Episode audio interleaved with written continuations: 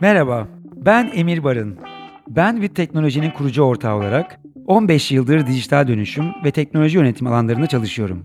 Avrupa İmar ve Kalkınma Bankası, kısaca EBRD, işbirliğiyle ve JP Morgan desteğiyle hazırlanan Rota Dijital Podcast serisinde dijital dönüşüme dair en çok merak edilenleri, dijital dönüşümün temel bileşenlerini ve küçük ve orta ölçekli işletmelerin dijitalleşmesini konuştuğumuz 10 bölümlük bir yolculuğa çıkıyoruz. Hepinize keyifli dinlemeler.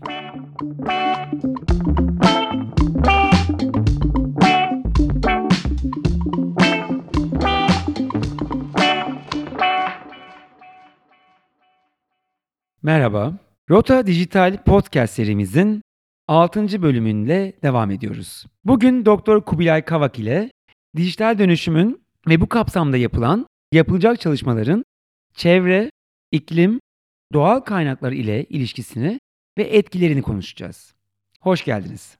Hoş bulduk. Çok kısa Doktor Kubilay Kavak hakkında ben bir bilgi vermek istiyorum. Öncelikle teşekkür ederiz katılımlarınız için. Çok kısa bahsetmek gerekirse kendisi şu anda Eskarus'un genel müdürlüğü görevini yürütüyor. Eskarus'tan da e, bilmeyen dinleyicimiz olabilir diye bir biraz bahsetmek istiyorum e, müsaade ederseniz.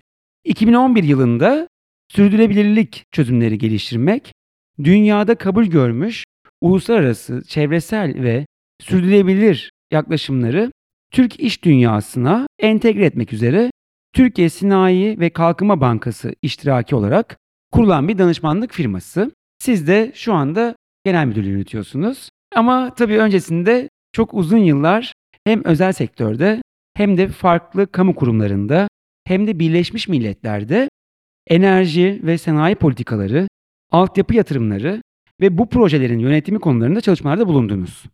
Sizinle de bugün dijitalleşme ve yeşil dönüşümün etkileşimini konuşacağız. İlk olarak herkesin merak ettiği bir konu aslında bu. Yeşil dönüşümün ne olduğunu dinlemek isteriz. Yeşil dönüşümün bir tanımını yapabilir misiniz bize? Elbette. Çok teşekkür ederim bu imkanı verdiğiniz için. Biliyorsunuz insanların anlam dünyasını zenginleştiren e, şey kavramlardır ve bizim o kavramları nasıl kullandığımızdır. Çok uzun süredir bu yeşil dönüşüm kavramını duyuyoruz ama içini doldurmakta zaman zaman güçlük çekildiğini izliyoruz. O yüzden ben sizin sorunuz çerçevesinde izin verirsen siz de demeyeyim sen diyeyim Tabii ki. E, Emir.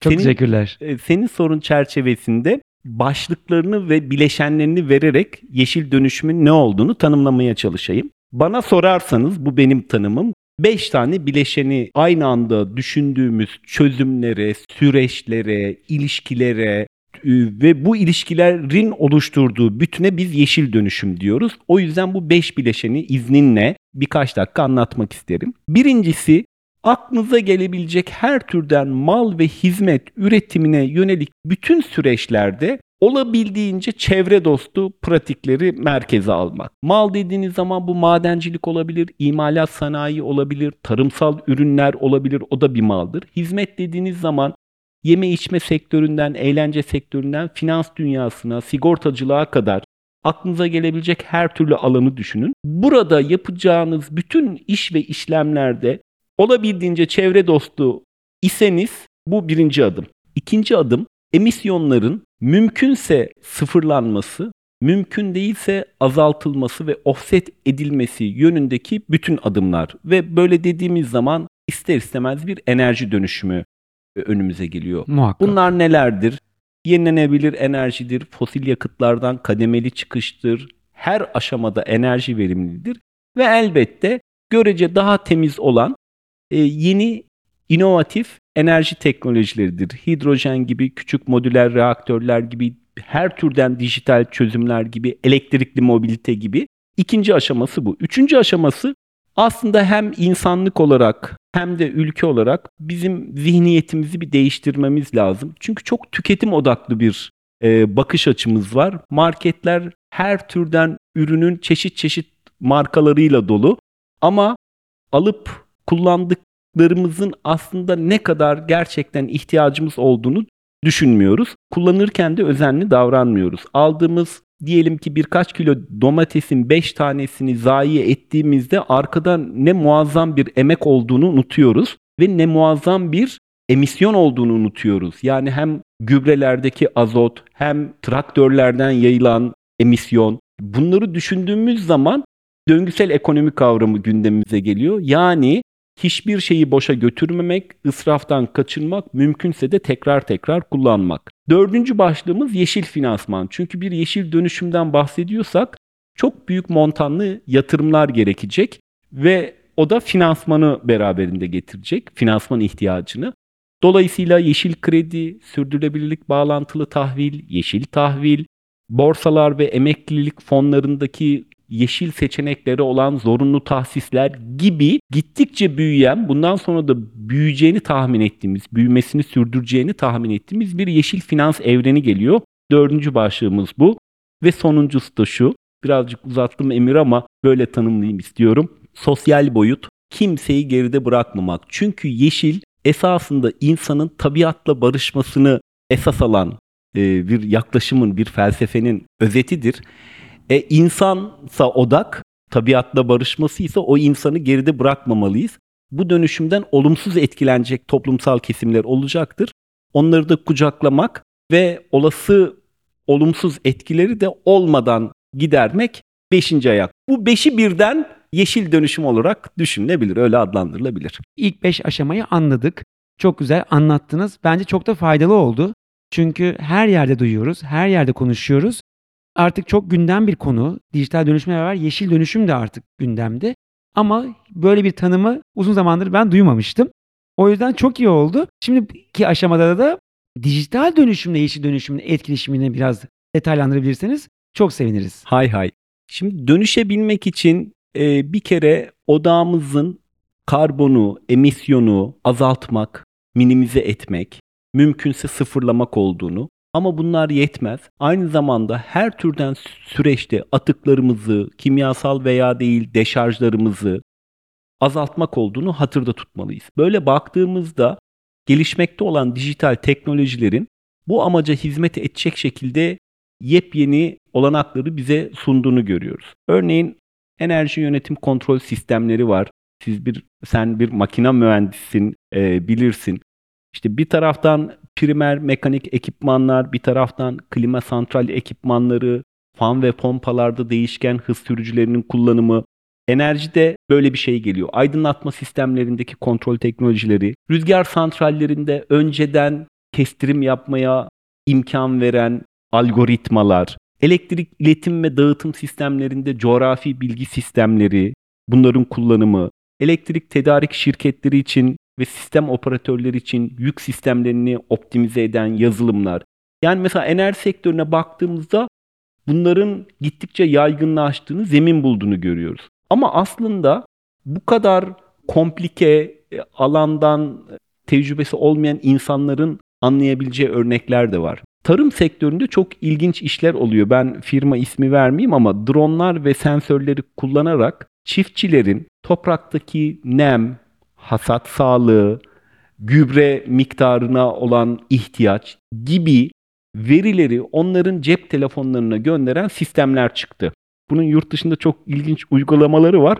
Türkiye'de de var. İlaçlama dronları çıktı. Tarım arazilerinde bitki uygulamaları gerçekleştiriliyor. Biz sevinerek izliyoruz. İlaçlamalar, ürün izleme, hangi tarihte hangi tohumu ya da fideyi ekme, dikme için e, ortamın müsait olduğunu çiftçiye bildiren sistemler. Yani aslında toplumun en tabanına da hitap eden uygulamalar beraberinde geliyor. E biz bireyleri etkileyen şeyler de var. Örneğin büyük şehirlerdeki her türden ulaştırma sistemlerinde anlık olarak e, sizin binmeyi planladığınız ulaştırma aracının kaç dakika sonra durakta olduğunu cep telefonunuzda indirebilmeniz çok tipik bir dijital teknoloji örneğidir. Bunu da mesela ulaştırma sektöründen örnek olarak verebilirim.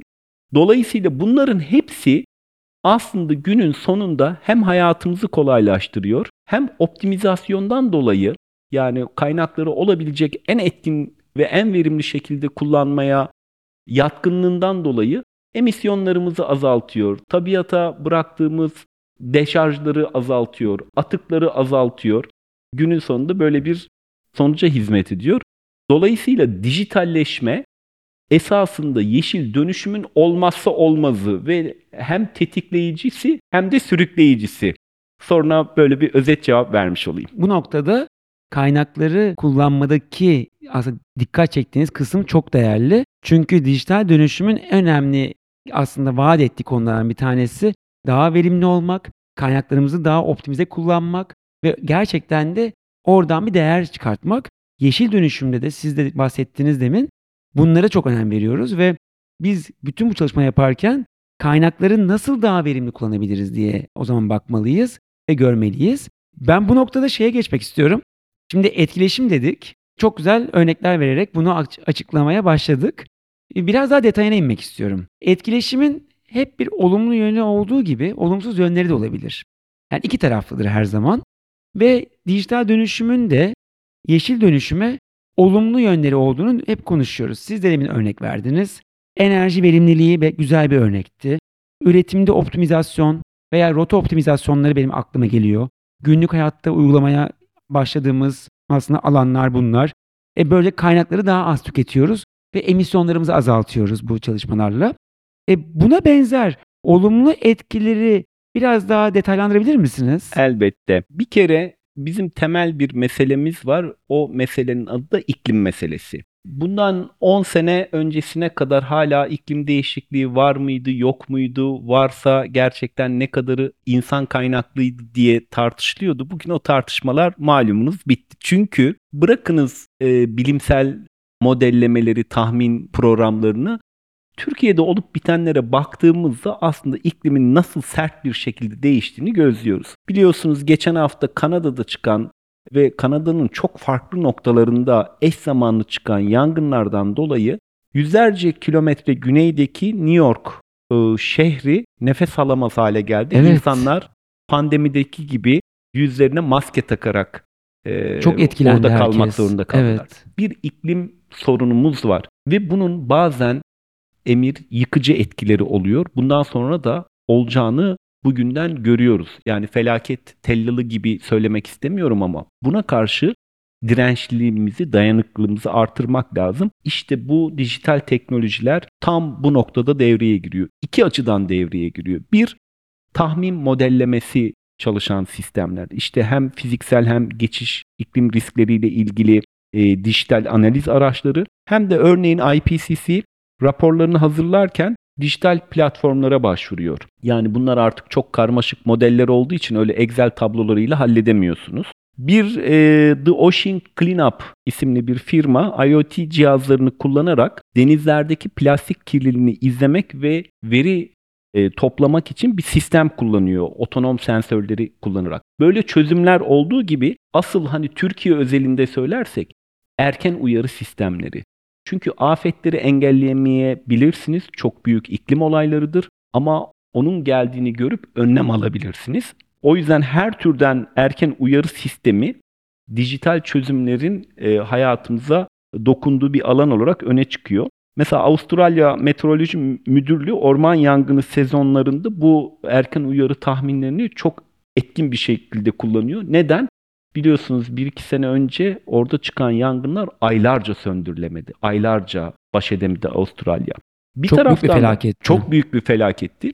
Bunu dünyanın birçok farklı coğrafyasında daha e, şiddeti ve frekansı artan biçimde görmeye devam edeceğiz. Türkiye'de bundan beri değil. Bir de afet durumlarında aslında pandemi sürecinde Emir bunu yaşadık gördük hatırlarsın. Tele tıp ve tele sağlık yani telemedicine e, ve tele health diye söylenen şeyler çıktı. Yani uzaktan video bağlantıları yoluyla bir hastaya ulaştırılan kitlerle kendi ön teşhislerini koyabildi. E, hatta dronlar yoluyla Çin'de o karantina döneminde evlere yemek servisleri yapılabildi karantinaya alınmış bölgelerde. Dolayısıyla bir taraftan iklim değişikliğiyle birlikte zorlaşacak bir hayatımız var. Bir taraftan dijital çözümlerle bu zorluklara karşı mücadele edecek bir gücümüz var. İkisi çok iç içe giriyor. Ve ee, olumlu yönde de büyük aslında çoğunlukta besliyor. evet olumlu yönde giriyor. Peki şimdi olumsuz yönlerini de konuşalım bence. Elbette. Yani çünkü biz sonuçta baktığımızda bilinçli bir e, şekilde dijital dönüşümü ele alıyoruz. yeşil dönüşüme etkisine bakıyoruz ve gerçekten de belki bazen farkına varmadığımız e, olumsuz etkiler de yaratıyor olabiliriz.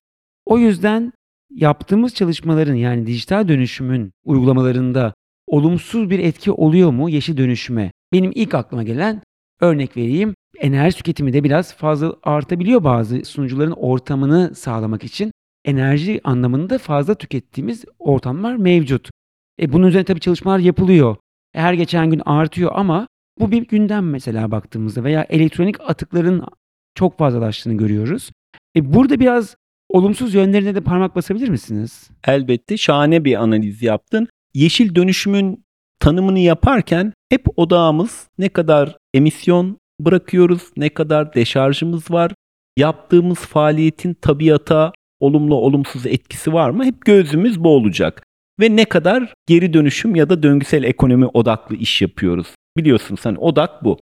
Şimdi elektronik atıklar çok büyük bir problem. Çünkü elektronik cihazların içinde kullanılan madenlerin hatır sayılır bir kısmı nadir toprak elementi. Zaten bulunması zor olan, çıkarılması zor olan, çıkarabilmek için de büyük çevresel maliyetlere katlanmak zorunda olduğunuz elementler. Elbette bunlarsız bir dünya düşünemeyiz, tasavvur edemeyiz ama bunları geri kazanmamız lazım. Örneğin büyük bir bilgisayar e, geri dönüşüm seferberliği başlatıldığında aslında o hardware'lerden çıkarılacak altın dahil kıymetli metallerin geri dönüşümüyle biz yüzlerce binlerce ton toprağı kazmaktan kurtulmuş oluyoruz.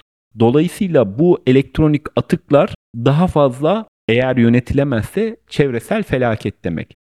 Keza gizlilik ve güvenlik riskleri de geliyor. Yani tesislerin özellikle sanayi düzleminde düşünürsek iyi yönetilemediği zaman bütün verilerinin rakiplerine kaptırılma ihtimali var. Dolayısıyla dijitalleşme ile birlikte gelen bir de gizlilik ve güvenlik riski var. Hatırlarsanız 5. boyut olarak insanı söylemiştik, sosyal boyutu söylemiştik. Dijital teknolojiler insanların mahremiyetini de güçlü biçimde ihlal etme riskini barındırıyor. Dolayısıyla mesela yeşil dönüşüm gözüyle baktığımızda böyle bir riski de var. Keza e, ben hep onu söylerim. E, dijital eşitsizlikten kaynaklanacak refah kayıpları olabilir. Ne demek istiyorum? Eğer bir ailenin çocuğu görece daha zayıf şartlara ve öyle bir dünyaya doğduysa dijital kanallara yeterli erişime sahip olmaması onun kendisini daha iyi bir refah düzeyine götürmesinin önünde engel olacaktır. Aslında sefaletin kuşaklar boyu devredilmesi, bir miras gibi bırakılması söz konusu olacaktır. Dolayısıyla dijital bir devrim oluyorsa, olmaktaysa bunun mümkün mertebe geniş toplum kesimleriyle buluşturulması ve bu anlamıyla da öğrenciler açısından, genç girişimciler açısından şartların eşitlenmesi gerek. Biz Covid döneminde bunu izledik. Türkiye'de belki çok muazzam anlayamamış olabiliriz ama dünyada milyarlarca genç öğrenci, yüz milyonlarca diyelim, tablet sahibi değildi. Evinde internet bağlantısı yoktu. Okula gidemediler.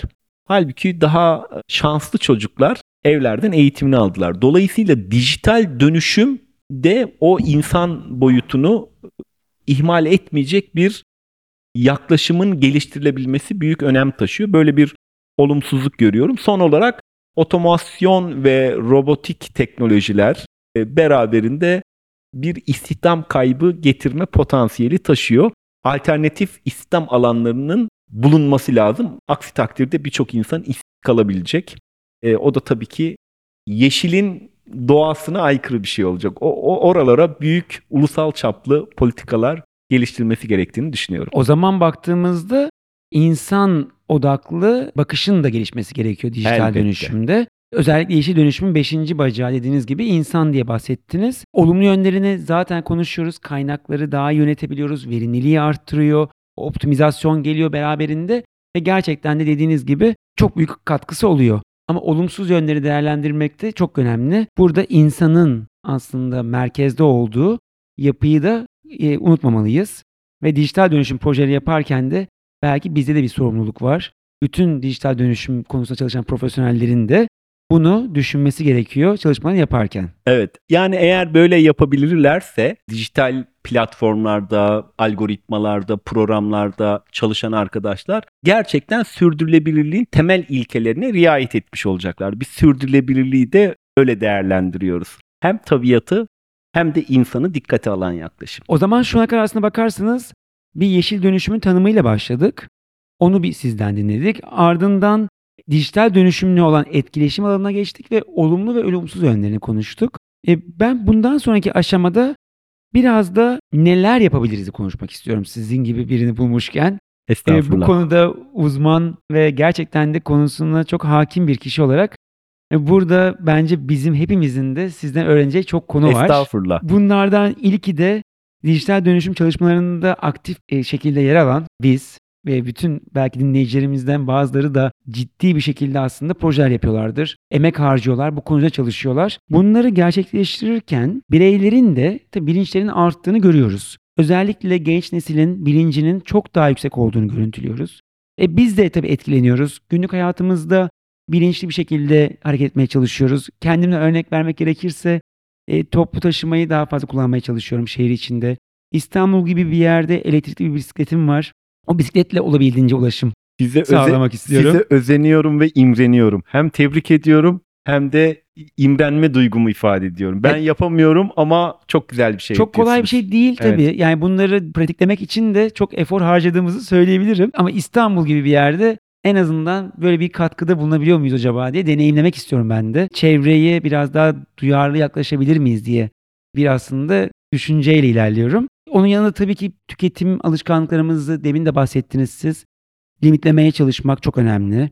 Bilinçli tüketiciler ya- yaratmak ve atıklar dikkat etmek bizim için gündemimizde olmalı bireylerinde.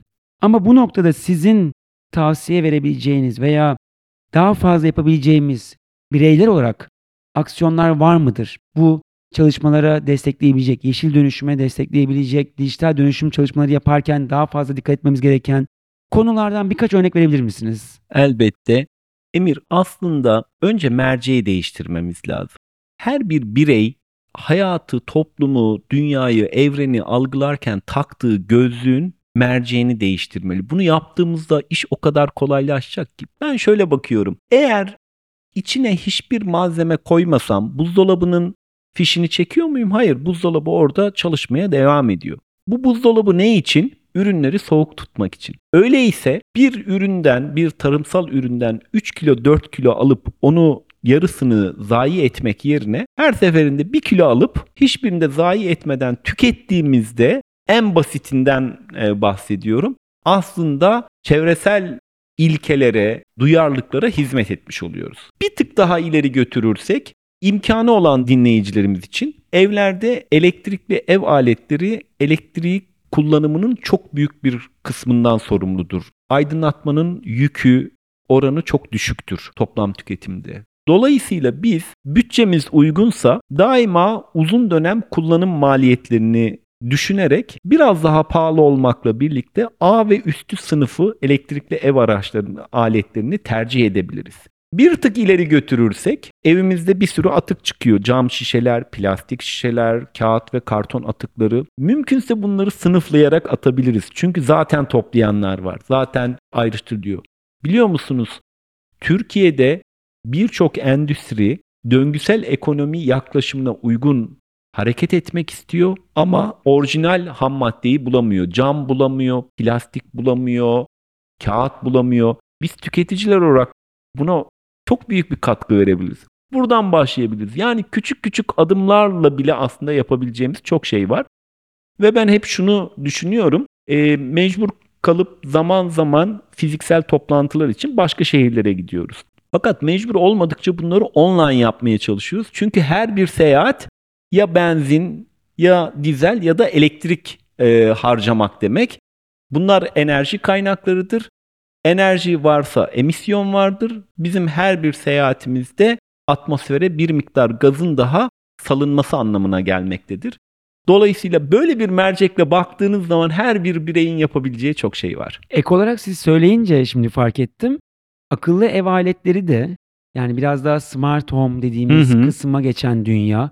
E, biraz ekstra maliyet dediğiniz gibi ama onların da aslında teknolojinin getirdiği faydaları görüntüleyebiliyoruz onlara kullanarak. E, belki onlar da önümüzdeki yıllarda daha fazla gündem olacak ve bireylerin de hayatlarına girecek ve böylece hem dijital dönüşüm teknoloji kullanımı hem gündemimizde hayatımızda olacak hem de yeşil dönüşüme katkı sağlamış olacağız. Dediğiniz gibi pandemi öncesinde uzaktan çalışma veya toplantıları yapma konusu her gün hayatımızda yoktu. Ama şu anda hem dijital dönüşümün bir faydası olarak görüyoruz onu. Bireylerin aslında farkında varmadan destek olduğu bir nokta oldu. Kaynakları daha az tüketme. Emir hani daha çarpıcı bir örnek vereyim. Antalya'da 5 yıldızlı otellere gidiyorlar turistler, yerli ve yabancı turistler. Orada mesela şeye dikkat ediyorum. Gündüz e, sahile ya da plaja gidiyor. Fakat o da olabildiğince buzdolabı gibi soğuk bırakılıyor. Şimdi ne kadar büyük bir soğutma yükü var. O soğutma yükünü karşılamak için soğutma grupları çalışıyor. Korkunç bir elektrik tüketimi. O elektrik tüketimini karşılayabilmek için bir sürü elektrik üretimi. Ama bu yetmiyor. İletim dağıtım hatlarında genişleme yatırımları. Bu ne demek? Bir sürü kablo kullanımı demek. Kablo kullanımı ne demek? Bakırdır vesairedir işte bu bütün madenlerin ilaveten çıkarılması demek. Yani aslında 3 saat havuzda ya da denizdeyken odasını 16 derecede soğutan her bir tüketici doğaya ihanet ediyor. Merceği bu şekilde değiştirip bakmayı öğrendiğimizde hepimizin yapacak çok şey var. Kartı sadece düğmesinden çıkardığımızda, soğutmayı durdurduğumuzda dünyaya, insanlığa ne büyük kendimiz açısından küçük ama toplandığı zaman büyük anlam ifade eden bir katkı yaptığımızı görebiliriz. Umarım bizim de dinleyicilerimiz bu şekilde bakmaya başlayabilirler. Birçoğu bakıyordur diye düşünüyorum ama bakmayanları da bu bakışa davet edelim bugünkü seansımızla, bugünkü bölümümüzle. Peki bir de firmalar var. Biz firmalarla çok yakın çalışıyoruz ve firmaların da dijital dönüşüm çalışmalarının çok daha hızlandığını görüyoruz. E bazı firmalarda daha büyük ölçekli diyelim firmalarda Green IT dediğimiz yeşil bilgi teknolojileri kısmına yatırımlar olduğunu, artık satın almaların o yöne kaydığını, elektronik imza ile doküman yönetimi çözümlerinin kullanılarak aslında kağıt tüketiminin azaltıldığını, karbon salımı ölçümlerinin artışta olduğunu ve bunların artık biraz da firmaların gündemlerine girdiğini söyleyebiliriz ama tabii bu büyük ölçekli firmalarda biraz daha görüyoruz ama siz türlü türlü firma ile beraber bir araya geliyorsunuz. Bu açıdan baktığınızda firmalardaki durumu nasıl görüyorsunuz? Aslında sen sorunda gayet güzel bir sınıflama yaptın. E, sektörden sektöre fark etmekle birlikte büyük firmaları iki gruba ayırabiliriz. Enerji yoğun olanlar, olmayanlar. Bir de firmaları ikiye ayırabiliriz. Büyük firmalar, küçük firmalar. Büyüklüğü ciro olarak söylemiyorum ama operasyon alanı ve çalışan sayısı itibariyle söylüyorum. Genel olarak şunu görüyoruz. Emisyon yoğun sektörlerse, enerji yoğun sektörlerse onlar bir adım önde gidiyor. Çünkü hem regülasyon bunu gerektiriyor, düzenlemeler, tabi oldukları düzenlemeler, Avrupa Yeşil Sözleşmesi kapsamında maruz kalacakları olası mali yükler hem de zaten akıllı bir tüccar en büyük maliyet kalemlerini süratle azaltmak ister. Dolayısıyla orada e, meselenin hızlı ilerlediğini görüyoruz. Görece düşük enerji ve emisyon yoğun sektörlerde iş biraz daha yavaş geliyor. Bir de büyük ölçekli şirketlerle küçük ölçekli şirketler arasında da fark var. Küçük ölçekli şirketler, KOBİ dediklerimiz genellikle zaman zaman işletme sermayesine ihtiyaç duyan, tabir caizse biraz gemiyi yüzdürmenin derdinde olan, önceliği bu olan firmalar olduğu için yeterince vakit ve enerji ayıramayabiliyorlar. Ama gördüğümüz odur ki kaçınılmaz biçimde onlar da ayırmak zorunda kalacaklar. Çünkü artık hem emisyon hem de e, diğer konular gömülü biçimde izlenecek. Böyle bir dünyaya doğru gidiyoruz. Türkiye özelinde söylersek yani dörde ayırabiliriz. Emisyon yoğun büyük endüstriler gayet farkındalıkları iyi. Emisyon yoğun olmayan en büyük endüstriler ikinci seviye. Üçüncü seviye kobiler. Kobilerin içinde bir kısmı özellikle tekstil ve plastik gibi elektronik sanayi gibi. Bunlar da belli açılardan sıkıştırılan sektörler. Orada da durum fena değil. Ama henüz bu konuları hiç gündemine almamış on binlerce kobimiz var. Kobi deyince hep sanayiyi konuştuk. Ama restoranlar, oteller, işte sigorta şirketleri hani büyük e, endüstrinin tümünü düşünmek lazım. Bunların e, bir kısmında epey yolumuz olduğunu görüyor, gözlemliyoruz. Son olarak da uzun yıllardır bu konu üzerine çalıştığınız için ve yurt dışı ile çok özellikle yakın temaslar kurduğunuz için biraz önümüzdeki dönemi sormak istiyorum size. Dijital dönüşüm ile yeşil dönüşümün evrileceği noktayı nasıl görüyoruz? Ve nasıl okumalıyız bundan sonraki dönemi? Bir de onu sormak istiyorum size. Geleceğe dair tahminlerde bulunurken hep ihtiyatlı olmayı tercih ederim. Çünkü hayatta çok yanıldım.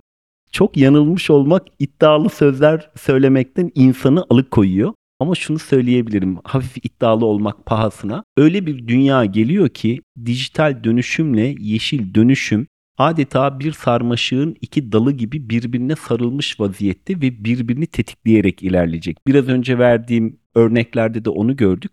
Bir taraftan yeşil dönüşüm ihtiyacı dijital çözümleri zaruri hale getirirken hani şeyleri anlattım tırlarsan afetlere karşı erken uyarı sistemleri vesaire. Bir taraftan da dijital dünyadaki dönüşüm yeşil dönüşümü kolaylaştırıyor. Çünkü artık o birçok şeyi optimize edebilmeniz, karbonu yönetmeniz, enerjiyi yönetmeniz, e, emisyonları azaltacak adımlar atmanız dijital çözümlerle mümkün oluyor. Dolayısıyla bana sorarsanız dijital çözümlerle yeşil çözümler iç içe geçmiş vaziyette. Belki bir 5 sene sonra ayrıştırmadan ikisini birlikte konuşacağız. Öyle öngörüyorum. Çok teşekkürler bütün katkılarınız ve paylaşımlarınız için. Çok güzel bir seans oldu bugün. Yeşil dönüşümle başladık, tanımını yaptık. Ardından da olumlu ve olumsuz yönleriyle dijital dönüşümle etkileşimini konuştuk. Ve son olarak da hangi alanlarda çalışmalar yaparken dijital dönüşüm gözüyle baktığımızda ve yeşil dönüşüme etkisi ve katkısı anlamında neler bizi bekliyor veya ne şu anda görüyoruz çok güzel özetlediniz. Doktor Kubilay Kavak çok teşekkürler katılımınız için. Ben de çok teşekkür ederim. Sizleri de böyle bir çalışmaya dahil olduğunuz için kutlamama izin verin. Çok teşekkürler. Bugün bütün yönleriyle dijital dönüşümün yeşil dönüşüm, sürdürülebilirlik etkisini ve bireylerin, firmaların dijital dönüşüm çalışmalarını yürütürken yeşil dönüşüm gözünden de nasıl bakabileceklerini konuştuk. Bir sonraki bölümümüzde dijital dönüşümün merkezinde olan veriyi ve veri yönetimini konuşacağız. Şimdilik hoşçakalın.